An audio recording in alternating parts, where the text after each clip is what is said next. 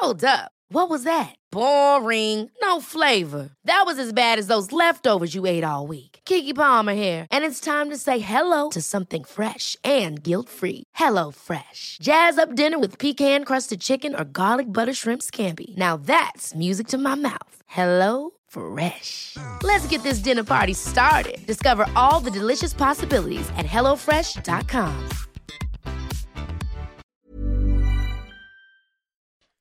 Men det är också, jag tror det beror på att man har utsatt sig för de här extrema miljön med att man går upp och tävlar inför andra i en, ja, man ska inte sticka under sko- stolen, det är en våldsam sport, man går in, man slår på varandra. Mm.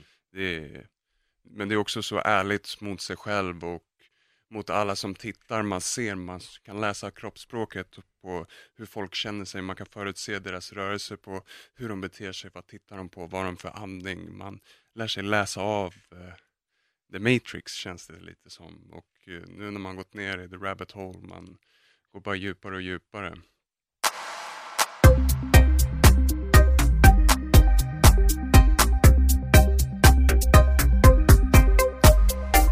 Karl Albrektsson, välkommen till Paul Leveraj Podcast.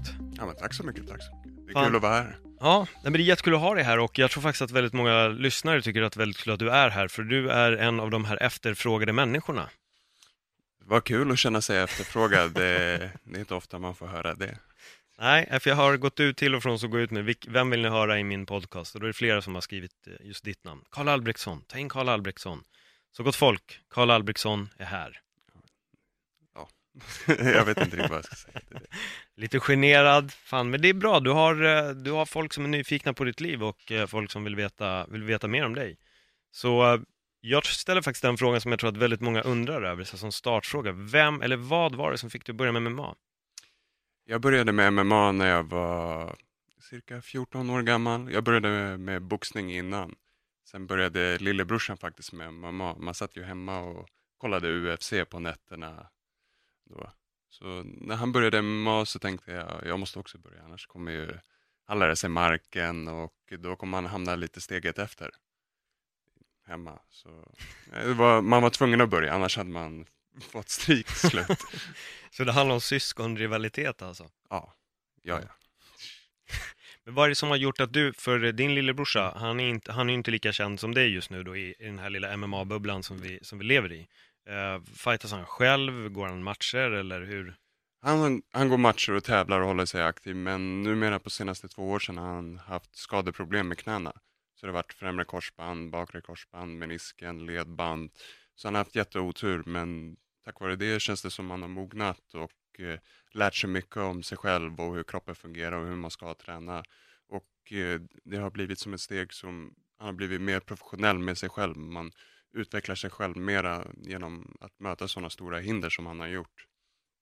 Men alltså talangmässigt så han är den talangfulla av oss. Så när han väljer att börja tävla så kommer det gå jättebra för honom och det kommer gå väldigt, väldigt snabbt tror jag. Det är lite det jag har hört faktiskt. Folk säger det att lillebrorsan är sjukt duktig och att, eh, ja, men att han liksom har inte kommit fram på samma sätt. Men det är ju skadorna som du säger också. Ja, ja. Men alltså, även om han är borta ett tag, han kommer tillbaka, det känns som han har inte missat en sekund. Liksom, det, det sitter så naturligt för honom. Men då måste jag fråga, steget eh, när du väl tog ditt eh, första steg in i en bur, amatör eller proffs, liksom, hur kändes det när dörren stängdes? Vad var dina tankar? Alltså, jag tycker när jag kliver upp i ringen, då känns, då känns det lugnt. Det är mest väntan innan som jag tycker är värst. Och framför, jag gick min första shootfighting-match, man var ju tvungen att vara 18, så jag fyllde år i september 2011, blev jag 18 och sen november 2011 gick jag min första shootmatch på Nexus i Slussen. Då mötte jag en, han heter Jonas, han är, var så här stor, såg ut som en biker, rakad skalle, värsta tatueringarna på ryggen. Så jag bara shit, shit, shit. Jag hade kollat upp han innan, han lyfte så här tunga, tunga vikter och hade varit i Thailand och tränat. Så jag bara shit, shit, shit. Så jag var riktigt, riktigt nervös innan, men ja, man lyckades samla sig och så länge man, det är bra att vara nervös, lärde jag mig då. Liksom, då jag kände mig på topp i matchen och jag ja, redan då jag förbestämde vad jag ville börja med. Alltså för move och sådär. Så det var en lärorik erfarenhet verkligen och det var ett sätt att man egentligen besegra den där rädslan och gå upp och tävla i ringen. För när vi började boxas så, ja, när jag var 14-15 så ville tränaren att jag skulle börja tävla men jag bara nej, nej, nej. Man var rädd, man var lite mer osäker då men ju mer man tränade desto mer säkrare blev man på sig själv och det här liksom, uff, det kändes som en stor accomplishment att jag gick faktiskt upp och tävla och det var framför mina vänner och familj och sen att nu man kan ju få göra det lite oftare på större arenor så nej, jag är jättetacksam för att jag valde den här vägen och den, ja, det känns som man är på rätt väg i livet. Mm. Jag måste bara fråga, för du, nämnde, du nämnde det här med, med rädsla. Eh, känner du av den någonting fortfarande? Nu, det är ju naturligt att känna en viss oro och en rädsla. Det gör vi alla. Vad vi än egentligen utsätter oss för så finns det alltid en... Eh, jag skulle nog säga att den rädslan är en respekt för vad man ska göra. Det är skillnad på att vara rädd och vara rädd. Hur, hur har du hanterat den här eh, respekten, om vi säger så? Det är olika från match till match. Man är en annan person för varje match. De matcher jag har på pappret och känt innan att jag kommer vinna lätt och då har man gått in och varit väldigt nonchalant och varit tvåa på bollen. Man använder fotbollsspråk. Mm. Men det är något man nu genom senare år, genom visualisering och mycket affirmationer i spegeln och prata med mig själv och hur jag tänker och att man ändrar allt i stort sett mentalt och sen när man tänker det är som man pratar med sig själv, man har en inre dialog. Och lär man sig att ändra sina tankar så att man bygger upp sig själv och ger sig själv självförtroende så känns det mycket lättare nu att gå in och prestera man har inte samma press, man tänker inte vad andra tänker om sig själv utan man går upp i spegeln och säger bara fan vad snygg du är, fan vad stark du är, du är en fin kille liksom. Vem är det som har lärt dig det här? Det är ja, ingen, eller jo, några, alltså man har haft några mentorer genom året som man har pratat med.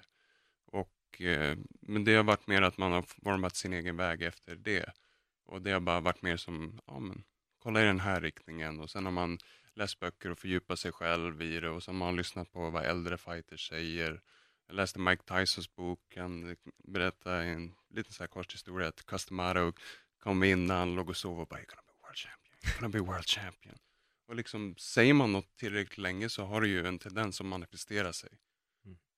Jag håller med dig. Alltså jag, jag, är en väldigt stark, jag har en väldigt stark tro i att om du inte tror på det du gör, då kommer du faktiskt inte åstadkomma någonting heller. Definitivt. Jag menar, går du in i en oktagon och tänker jag kommer torska, ja men då torskar du ju.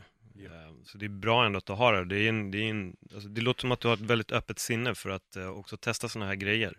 För vissa kan nog säga, ja ah, men vadå, stå framför spegeln, det är bara skit, fan det är liksom vad jag gör på mattan, det är det som räknas, eller det är vad jag levererar i buren, mm. det är det som spelar en roll. Men du jobbar ju redan med att faktiskt förklara för dig, tro på dig själv. Och väldigt många kanske inte riktigt har den, har den tron heller. Yes, yes. Men det är också, det finns det här gamla citatet att man måste approach combat som everyday life. Och det är lite så man måste göra. Jag gör det här oavsett om jag har match eller inte, bara för att det ska stärka mig som människa. Matchen, jag går, vad är det man går, två, tre matcher om år, mm. året. Men så länge jag gör det här varje dag då liksom, man tar varje dag för som kommer. Man vet aldrig när det kommer vara en sista här i livet och man måste ta det mesta av det som finns här och nu. Man kan inte hålla på och tänka bara om så och så länge ska jag göra det och så det. Absolut, det är bra att ha en bra plan. Men du måste tänka på dig själv här och nu också. Liksom. Vilken bok har inspirerat dig mest skulle du säga? Har du någon sån här som den här verkligen öppnade upp många portar? Det finns många, men jag började läsa mycket Alan Watts när jag gick i gymnasiet och fastnade, blev intresserad för zen-buddhism och eh, sånt där och man ska uppnå ja, det här perfekta läget, den här nollpunkten, det här zen som ingen kan förklara, man kan bara vara i. Liksom. Det, det, det överkorrigerar, vad säger jag? Det, är kopplat till allting här i livet, vad man än gör. Det är en konst. Om du väljer att göra det till en konst, då kan du försöka uppnå det här ja, state of mind. Mm.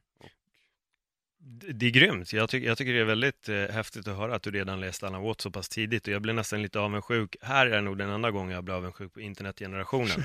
För att på min tid så jag hörde ingenting om Alan Watts. När jag var 17 år så, så fick man veta det någon polare sa som man ringde via en helt vanlig telefon och kan vara hemma. Alternativt att man träffar någon ute. Den här kunskapen fanns liksom inte. Jag har själv läst en hel del om Alan Watts, lyssnar väldigt mycket på honom och jag håller också på mycket med zen-meditation. Um, hur mycket mediterar du? Jag försöker meditera varje dag. Det blir oftast någon form av meditation. Ibland stilla, ibland med väldigt mycket med rörelse eftersom jag kombinerar det med morgonrutinen och uppvärmningen innan jag tränar. Så det blir mycket andningsövningar kombinerat med rörelse. Och nu på senare tid börjar jag bli mer och mer intresserad i qigong också. Hur ser vad, vad gör du för andningsövningar? Jag går upp på morgonen, jag var på Steve Maxwells eh, camp här i Grekland så jag lärde mig en massa nya grejer. Så först jag ja, började trycka på olika sen, alltså, känselpunkter i kroppen, massera hårskalpen, ögonen, göra lite så här, titta åt olika håll, massera magen, massera njurarna och sen eh, olika qigongövningar med andning och ibland sitter jag bara vanligt och andas och ibland gör jag eldandning. Och det är blandat, det beror på också hur jag känner mig den dagen och vad jag ska göra. Och är det match, är det träning eller är det bara vilodag? Mm. Jobbar du någonting med isbad och sånt? Jag isbadade mycket förut men nu har jag inte faktiskt gjort det på ett tag. Men jag tar en jag brukar torrborsta mig själv och ta en kall dusch på morgonen. Mm. Och då känns det verkligen som att man vaknat till liv. jag har ju själv hållit på en hel del med isbad. Det har fått mig att verkligen komma in i ett helt annat state of mind genom att gå ner länge och, och, och sitta Man måste där. fokusera sig liksom på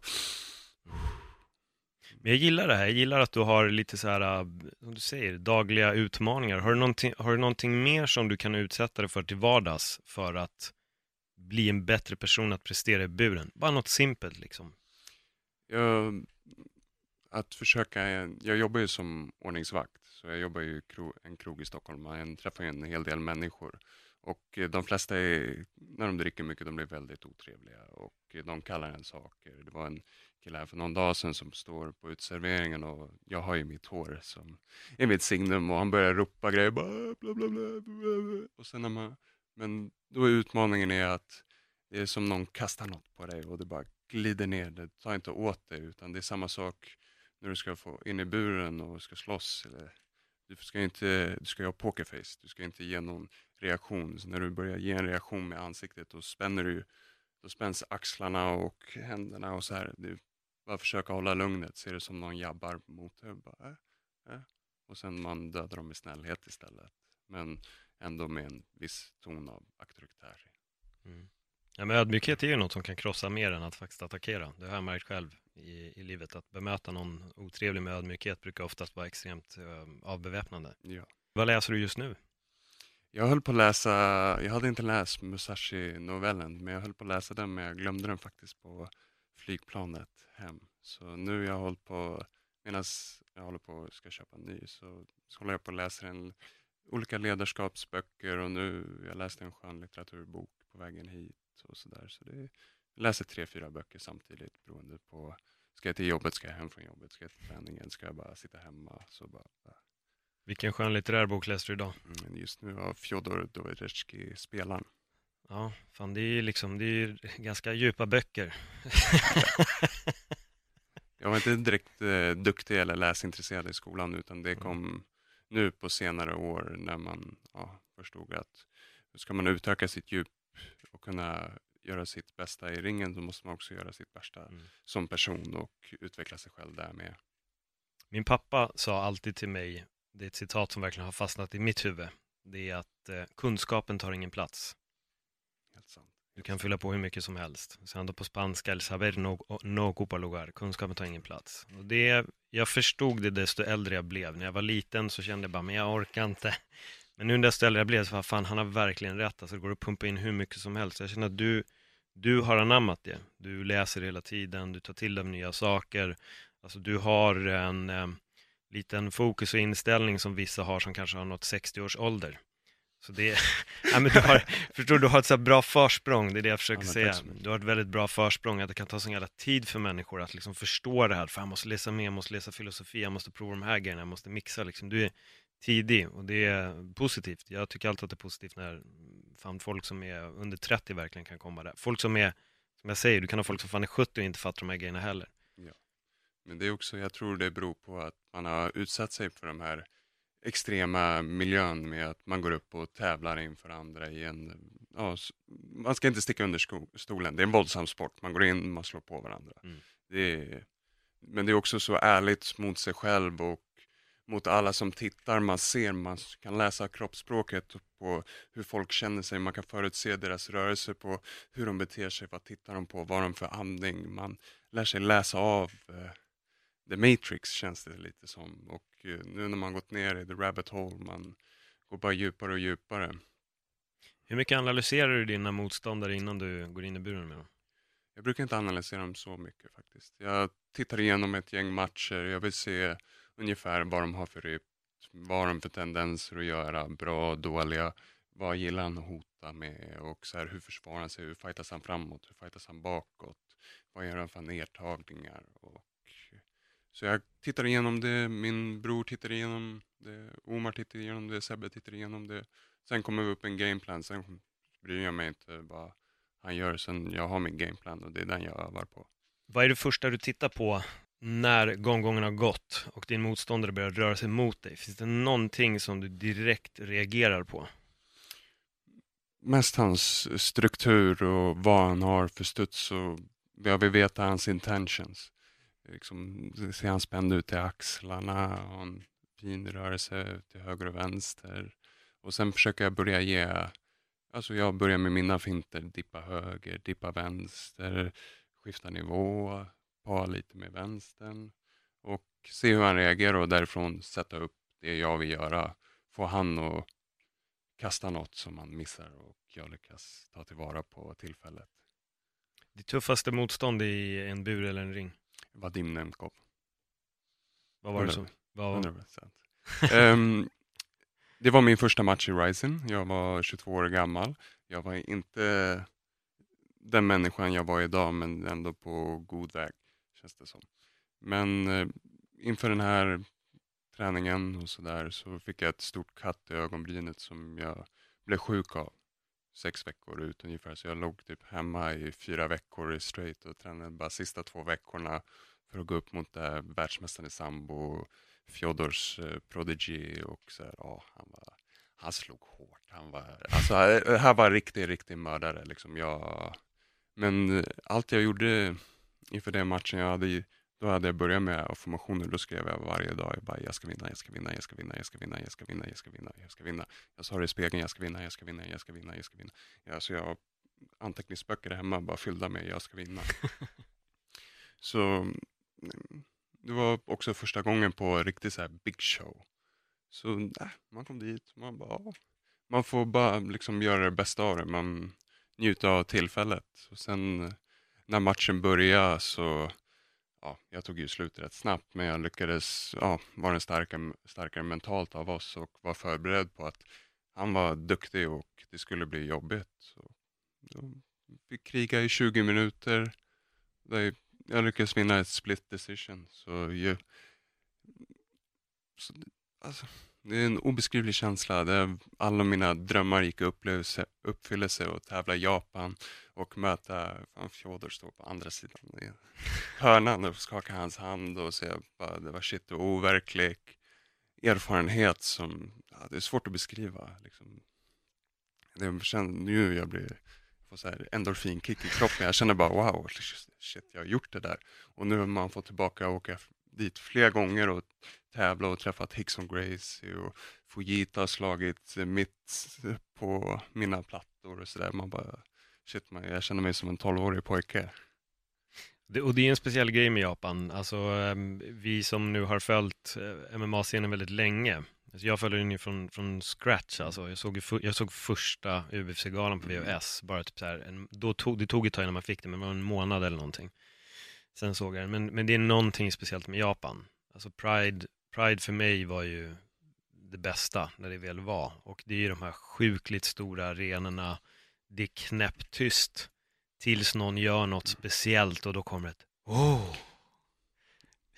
det är applåder, man bara, de är, alltså det är japanska kulturen, de är så, de är extremt hövliga och eh, de tänker verkligen alltså, på samhället som ett, inte att individen räknas först utan det är kollektiva som är viktigt. Folk står i led, ingen skriker. Alltså, när man åker flygplan till Japan, det, det kan vara babys där, hur många som helst. Ingen baby skriker. Inte japanska babys, de skriker inte. Sen när man åker typ till Grekland, någon bakom bara Aah! Man bara herregud. Man bara, det är bara någonting som de har i kulturen med det här. Med respekt och eh, de är väldigt, när de gör något, det är 110 procent verkligen på den här grejen. Så när det kommer till fighting, då är det 110 procent fighting. Känslan när du fick eh, erbjudandet om att fighta just i Rissin? Det, var, det kändes, eh, ja, drömmen kommer gå i uppfyllelse. Man kommer gå dit och visa upp sig och jag vill göra det bra. Liksom. Det, ja, det är fan, man börjar bara direkt gå ut, nej jag måste springa nu. Vem kom med glädjebeskedet? Det var faktiskt eh, ja, en, deras matchmaker som skrev till mig. Så, man, lite flax kan man ha. Mm. Eh, Din coach Omar, det är ju en eh, riktig MMA-legendar här i, i Sverige och han tävlade ju, då var det ju inte ens MMA, då var det väl ren pankreas, eller? Då var det pankras. Ja. Ja. Ehm, hur är det att eh, ha honom som coach och mentor såklart? Jag är otroligt eh, tacksam att jag började på pankras och fick lära mig direkt från eh, ja, nu, den bästa som finns i Sverige teknikmässigt på när det kommer till MMA. Han har hållit på så länge och är graderad inom shoto och pankras BI och har så mycket erfarenhet och från världen över och fortfarande än idag känns vassare än någonsin och ja, bra blick för och detaljer som jag gillar och vi har jobbat på mycket detaljgrejer nu på senaste som det känns ju mer tid han lägger ner på mig, det bättre känner jag att bättre resultat jag får. Hur ser er plan ut nu? Vår plan ser ut nu att förhoppningsvis vi får en match här snart i höst och sen tar en till match i december. Som eh, jag skulle gärna gå så ofta jag kan men MMA-världen är en svår värld så man får ta det man får lite. Mm. Det är knepigt kanske också beroende på vilka organisationer man tillhör. Om man säger så, UFC om man tillhör där, om man är clean så är det, alltså om man är, alltså är hel, ska jag rättare sagt Ja. säga, om man är hel från fight to fight så är det ganska lätt att komma in igen. Ja, definitivt. Men det är mycket politik också när man är Såklart. utanför. Och det, det finns många scammers också. Det, så man måste se också hur man går och man måste tread lightly. Och verkligen vara försiktig också. Mm. Man måste tänka på sig själv i första hand. När man blir proffs, då är man, du, är inte, du är inte amatör längre, du är en produkt. Så du måste våga stå ut också och göra en image av dig själv. Det är underhållning du sysslar på nu.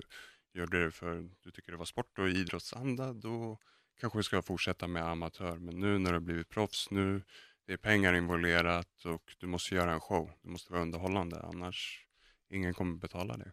Vad gör du för att bidra till underhållningen? Ja, man kan ju spexa till det lite med hår och eh, lite färger och sådär. Nu Jag märkte på Superior så alla har svarta shorts, liksom. ingen har lite färgglad, ingen verkar ja, lite mer personlighet och göra mer show och underhållning, kan spexa till inträ, alltså entrén och sådär. Men främst bara våga vara lite färgglad också. Det känns som att du har tagit lite från, från Japan, vilket jag tycker är korrekt. Ja, alltså nu när man ändå har tävlat där några gånger, man har ju lärt sig också vad de vill ha och de säger till bara, inga svarta shorts, de vill ju ha färg, de vill ha karaktärer. Därför, herregud, man gör sig ut som en 80-talskille liksom. Men de gillar det där, de gillar gimmicks. Mm. Där då bara, okej, det är han med blonda håret möter han med, ja, gula shorts. Ja. Ja.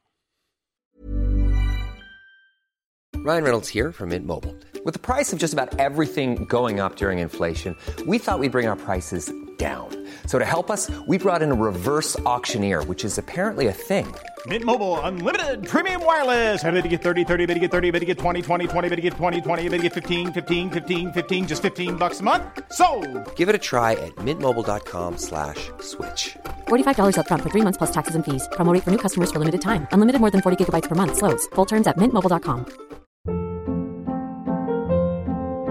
Hold up. What was that? Boring. No flavor. That was as bad as those leftovers you ate all week. Kiki Palmer here, and it's time to say hello to something fresh and guilt-free. Hello Fresh. Jazz up dinner with pecan-crusted chicken or garlic butter shrimp scampi. Now that's music to my mouth. Hello Fresh. Let's get this dinner party started. Discover all the delicious possibilities at hellofresh.com. Eh, vilken fighter eller vilka fighters är några som inspirerar dig mycket? Nu faktiskt, det, läget har ju ändrats genom åren. Nu liksom när man kommit upp till eh, den här nivån så nu så känns det mer som alla är lite så här. Det känns mer som en rival. Okej, han tränar hårt, då måste jag träna hårt. Som just nu, han jag tänker mycket på var min senaste förlust, eh, Giri. Jag, blev, jag requestade han på Facebook, han accepterade. Så nu jag kan kolla hur han tränar. Så varje gång jag går in, jag ser han träna, då jag får extra motivation och träna hårdare för jag vill möta honom igen och jag vill spöa honom. Det var i Rissin, eller hur? Nyårsgalan va? Ja, det var nyårsgalan. Och det var väl den där som bröts, tio minuter första ronden var och den, den Mm. bröts väl bara med någon... Två sekunder kvar. Ja, två sekunder kvar. Och det har väl varit lite diskussion om att det kanske var ett för tidigt stopp. Ja. Jag tycker det var ett för tidigt Ja. stopp. Men nu, det är som det är och jag frågade han direkt efter en rematch och han sa absolut. Så. Mm. Men han kände också att det var tidigt bryte också, han sa det. Men liksom med hans position, vad ska man göra? Det är bara att tacka, ta emot. Såklart. Men för det, det, jag, jag, tyckte ändå att man kunde se en mognad av dig vid den förlusten. För mitt personliga intryck var att det var tidigt, men du, liksom, du accepterade det. Du ställde inte till någon scen, det var Mm. inget tjafs, utan du var så okej, ja absolut. Medan andra kanske då eh, gör bort sig i det läget, om man nu säger så. Börjar gapa och skrika och börjar hetsa. Men du ändå så här, ja men det är lugnt, om man har brutit, det är okej. Vi, vi, vi kommer få en möjlighet att, att fightas igen. Så eh, hur hanterar du förluster? Man måste tänka, vad ska jag lägga min energi på? Vad gör jag som jag inte borde göra och vad gör jag inte som jag borde göra? Mm. Och sen, man måste ta ett eh, steg tillbaka och kolla vad som, vad som var bra, vad som mindre bra, varför blev det så här? Man måste se det från alla vinklar, vad det kunde bero på. Och sen, jag har inte så mycket proffsmatcher så varje match det är en erfarenhetsprocess och ju större match man tar desto lite mer erfarenhet får man för längre fram i framtiden. Så det är också det är en lärlingsprocess. Man vågar lära sig, vågar lita på sig själv och tro på det man gör framför allt. Att man inte bara, äh, men nu är jag förlorad, ah, jag måste jag byta, allt det är bara det man bara, ja, men det har funkat bra fram tills hit. Nu det här hände.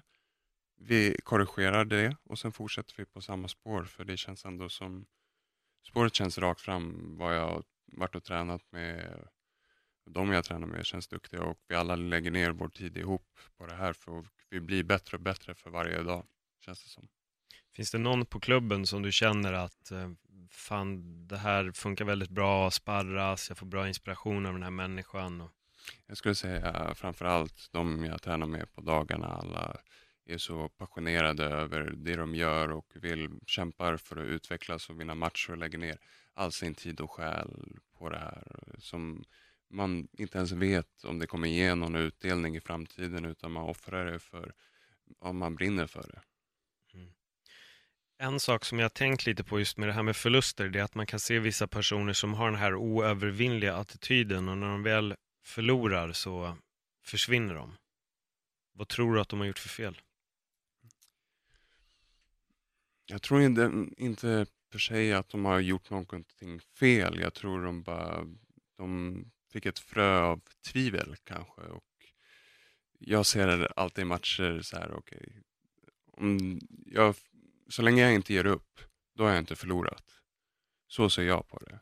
Men om vi går en match, tiden går ut och jag förlorar på ett dumslut, då känner jag Alltså absolut, jag förlorar matchen men jag hade aldrig gett upp. De kunde, det kunde inte varit någon eh, rond alls. Tiden kunde varit för evigt. Jag hade aldrig gett upp. Så, så länge jag inte ger upp, då förlorar jag inte. Det är en väldigt intressant eh, inställning faktiskt. Jag, jag gillar det. Jag tycker den, den är smart. För det är, ja, så länge du inte har gett upp så har du inte torskat. Du är bara, det finns en, alltså, du bara besegrad när du anser dig själv besegrad. Mm. Det är ett mindset. Definitivt. Ett väldigt viktigt, väldigt viktigt mindset. Finns det fler eh, på klubben som också jobbar med liksom väldigt mycket Mm. alltså, mentalt filosofi och, och så vidare som du gör? Är det någonting som ni kan inspirera varandra med? Jag tror, eh, filosofi vet jag inte, men eh, definitivt alla gör sitt del av sitt mentala arbete och visualisera och sådär. Vad de exakt gör för sig, det kan inte jag svara Nej. på. Jag fokuserar på det jag kan påverka där. Alla har sin egen grej också, alla är formade på olika sätt, Mm. så det, man måste experimentera själv och se vad som passar bäst för just dig. Men det var det jag tänkte om ni delar med er, så här, testa det här. Ja, ibland till och från. Så här. Mm. Man, man ger varandra tips. Vad man, ja, men jag testade det här för senaste matchen. När man surrar så. Men ja, om de väljer att testa, det är upp till dem. Mm. Såklart, och sen ska man ju aldrig göra någonting som man inte känner funkar för en själv, för då är man på fel väg också. Det gäller Ja. att hitta sin pryl, lite som du har gjort. Du hittar Ja. de här grejerna som funkar och trial and error, man provar, vissa grejer funkar inte, går man till nästa, sen hittar man den här lilla grejen som, som ger det lilla extra. Exakt. Vilka verktyg ehm, håller du på att lägga till till ditt game? Rent stilistiskt, tekniskt, fightingmässigt. Finns det någonting som är så här, det här vill jag fila på mycket mer och jag har lagt eh, mycket mer tid på mitt stående de senaste två åren. För marken och brottningen har alltid väldigt bra. Och även om jag började med boxning så eh, i MMA det är svårt att träna på allt eh, samtidigt. Utan ibland man får välja att fokusera sig på stående, ibland brottning, ibland mark. Så det blir lite så man går in i olika perioder i träningen. Men jag har jobbat väldigt mycket på mitt stående och jag hoppas att jag ska kunna visa upp det här med en knockout-vinst snart uppstående. Eh, och då går vi in direkt på det här. Du är ju en stor och stark kille. Eh, hur tränar du styrka? För eh, styrka går att träna på en miljon olika sätt. Men vilken, vilket sätt funkar bäst för dig?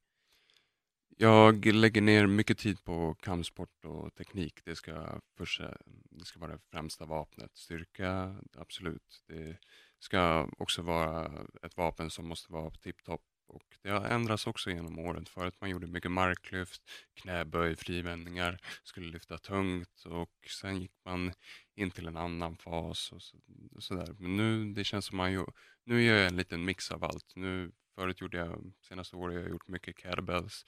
Nu gör jag mer och mer calisthenics och isometriska träningar och sen inför match lägger jag till lite mer pylometriska så det inte bara blir stark utan man kan också få snabbheten och sådär. Konditionen tränar jag också mycket genom kampsport och lära sig slappna av. Det är det mesta. Det är också en, sån rolig, en grej Matti lärde mig faktiskt. Mäkale?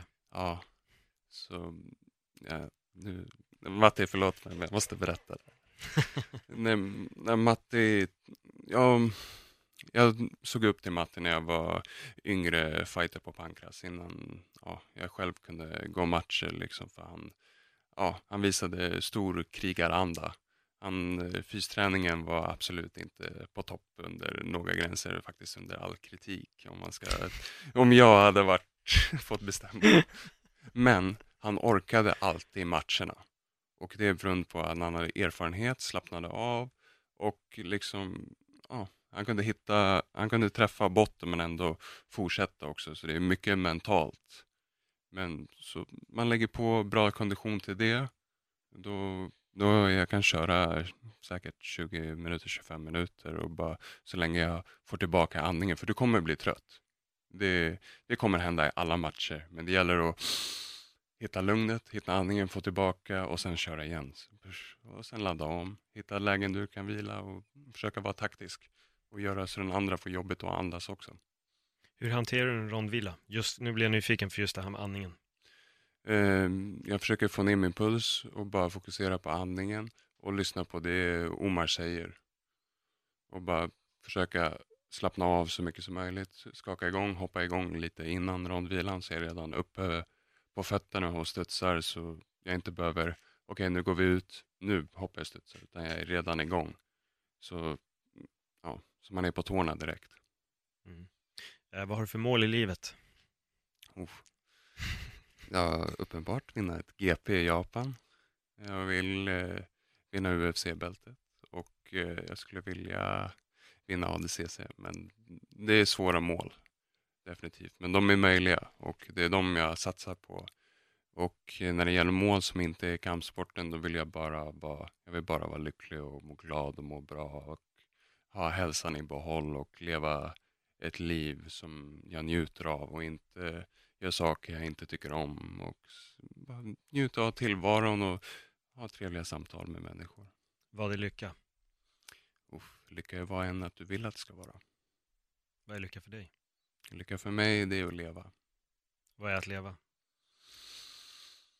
Att vara medvetande. Mm. Hur blir man medvetande? Uff, är det så snabba frågor här? Nej, men att komma till insikt om sig själv. Eh, vilka insikter har du fått under de här åren?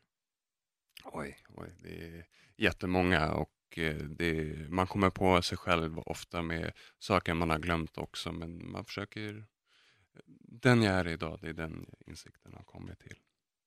Vad skulle du säga är den största lögnen som du har liksom lite intalat dig själv under åren som du sen har kommit till insikt med att åh jävlar vad jag hade fel här. Har du någon sån? Jag måste tänka lite på den, jag får Mm. återkomma på den. Absolut. Den Ja. var stor fråga ändå. Det är för att jag lite där själv nämligen i mitt liv, att jag har insett att det är väldigt mycket saker, jag hade väldigt mycket tro om prylar som jag sen har insett på senare tid att så här, "Vad fan, oj, typ ingenting stämde och man inser att väldigt mycket är inte riktigt som man hade trott och man börjar se nya saker som man liksom inte hade sett innan. Jag känner att du är på den vägen just med all, som du gör, filosofi, ditt tankesätt, Mm. du, du har redan börjat den, du börjar, du har redan börjat den processen. Jag skulle säga att allt är inte som det ser ut att vara. Det är väl främst det man har lärt sig och att sitt perspektiv gör mycket om hur verkligheten formas. Vad skulle du säga är det största misstaget som folk gör när de intalar sig själva saker som inte stämmer? Jag skulle säga att eh, folk blir väldigt upprörda över, alla har en viss självbild av sig själv och så fort någon petar lite på den så kan man bli väldigt känslig och defensiv och ta åt sig istället för att bara, hur, är det det du menar, det du säger, menar du illa eller är det jag som uppfattar det som illa? Att man ska kunna ifrågasätta sig själv och bara kunna lugna ner sig själv lite. Vi lever i en tid av, alla verkar ha stress och ångest och det är mycket mentala sjukdomar. Och folk, det känns som folk mår lite dåligt i allmänt på grund av att de inbillar sig saker om sig själva, om samhället är si och så, det är deras fel istället för att inse att vi alla gör val. Du väljer att vara arg, du väljer det och det, du väljer att du har det här jobbet. Allting är val, det är det man måste inse och jag väljer att vara här, du väljer att vara här. Vi kunde spendera vår tid på andra sätt. Om jag inte vill jobba då måste jag hitta ett annat sätt som jag kan försörja mig själv på. Har du läst Don Miguel Ruiz? Nej, men jag vet vem det är. Ja, jag känner att jag börjar citera honom i var och varannan podd här, men den boken hade sån otrolig effekt på mig. Eh, Fyra grundstenar till ett bättre liv. Men där säger han att eh, en sak som är, eh, det är inte mina ord som sårar dig, utan det är att mina ord snuddar vid dina egna sår.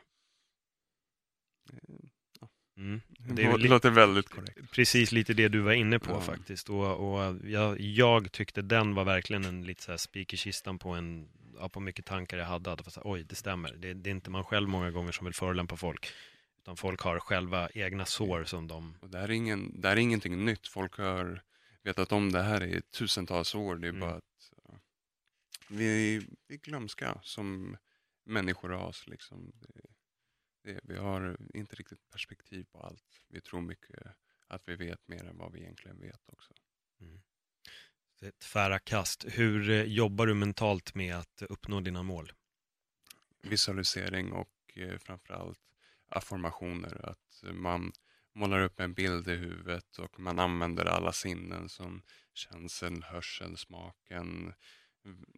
Jag ser mig själv i arenan tom, ser mig själv full, alltså arenan full, inte ser mig själv full. Ser mig själv full i arenan.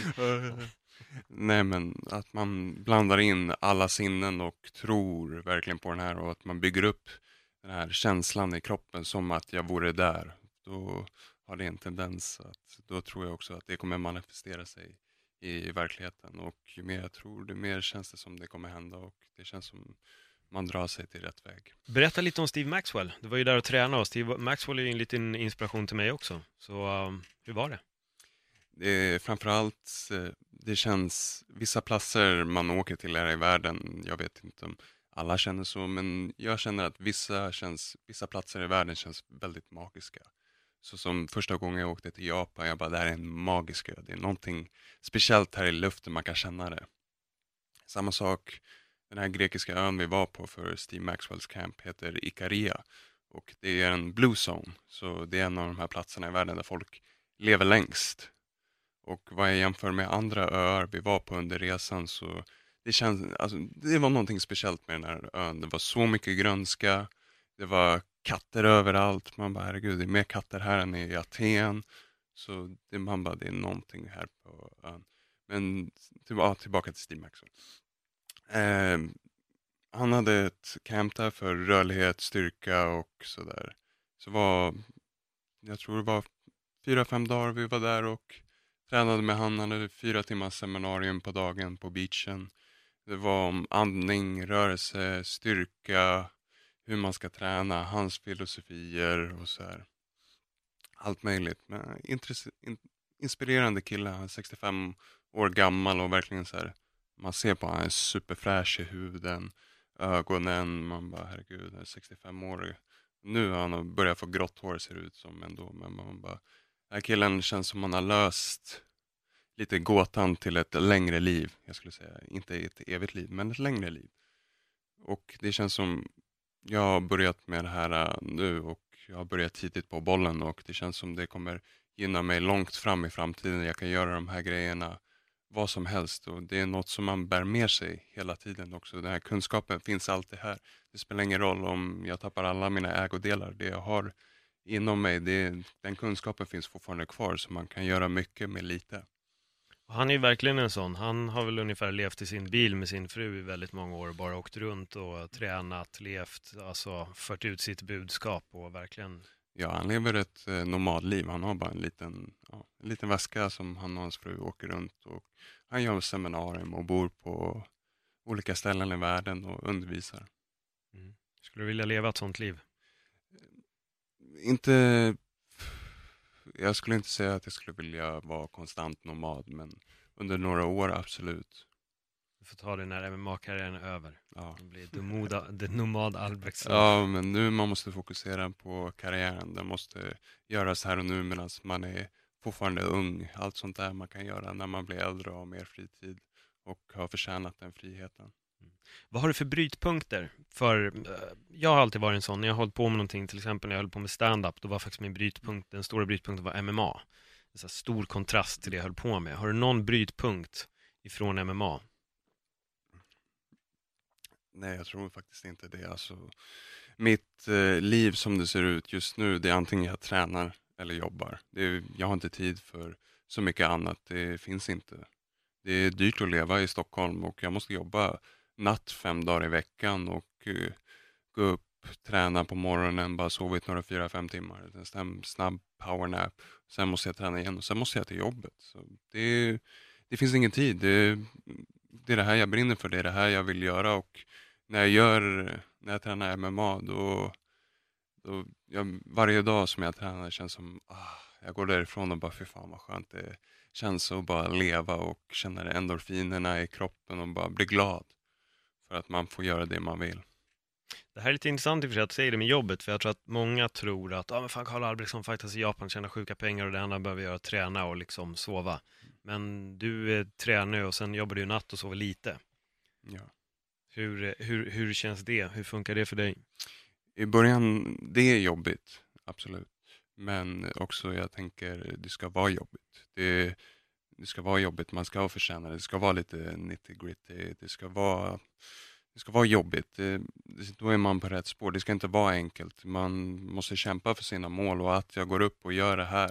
Jag känner bara att det gör mig mer motiverad, det gör mig tuffare. Att det inte är riktigt bra, liksom, man har inte de perfekta förutsättningarna. Men man går dit och man gör det här vecka in, vecka ut. Och man blir mentalt tuff och mentalt fokuserad. Och vet att man kan fungera någorlunda bra på lite sömn och sen när man väl återhämtar sig och kör då är natt och dag så mycket bättre. Mm. Vad äter du?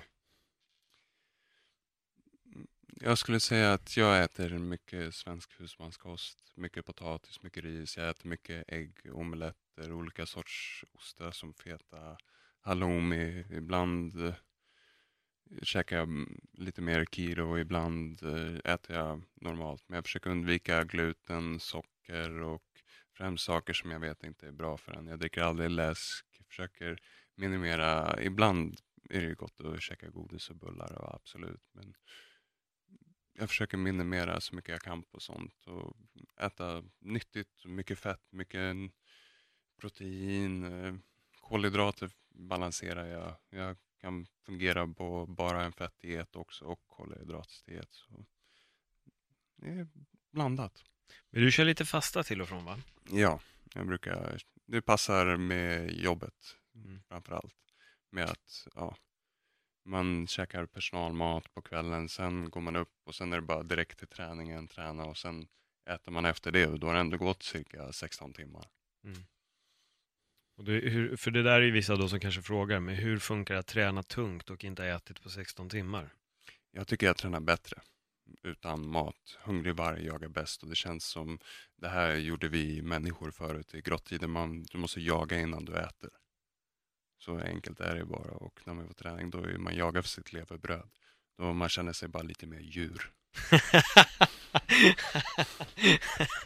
ja, det är ett riktigt skönt perspektiv på fasta faktiskt. Är det, är det grymt? Ja, här har vi återigen det här med mindset. Ja, men det, det är ju sant ju. Förut du var alltid tvungen att du kämpar för din överlevnad. Nu på samma sätt, vi, det finns inte riktigt så. Man bara, jag är bekväm, jag går upp, jag käkar det, sen jag ska till jobbet och sådär. Man bara la la la la la. Den här, man måste pila bort lite på säkerheten och bara shit, om jag inte gör det här liksom, då jag äter inte. Det, det är animalistiskt, det är överlevnadsinstinkten kickar in lite. Ja, det är rätt. Jag ser din blick förändras när du börjar prata om det här.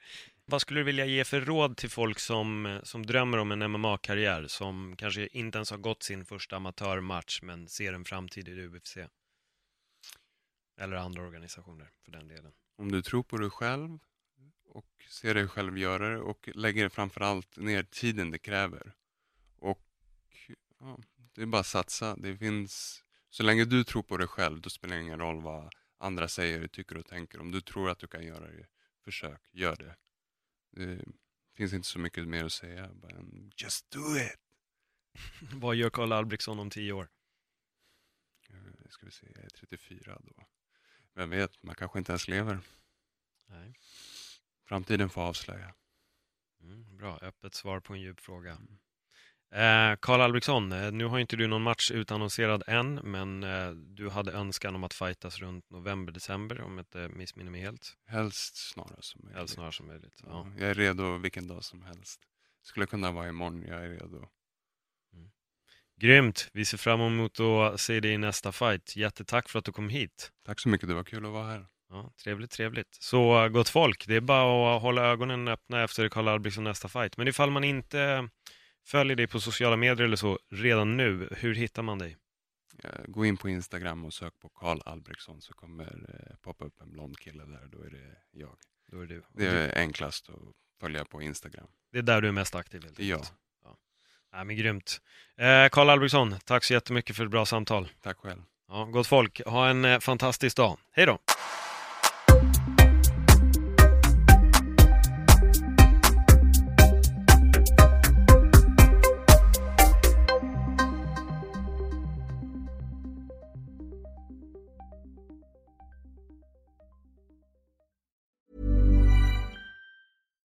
It's Paige DeSorbo from Giggly Squad. High quality fashion without the price tag. Say hello to Quince. I'm snagging high-end essentials like cozy cashmere sweaters, sleek leather jackets, fine jewelry, and so much more. With Quince being 50 to 80% less than similar brands. And they partner with factories that prioritize safe, ethical, and responsible manufacturing. I love that. Luxury quality within reach. Go to quince.com slash style to get free shipping and 365 day returns on your next order. Quince.com slash style.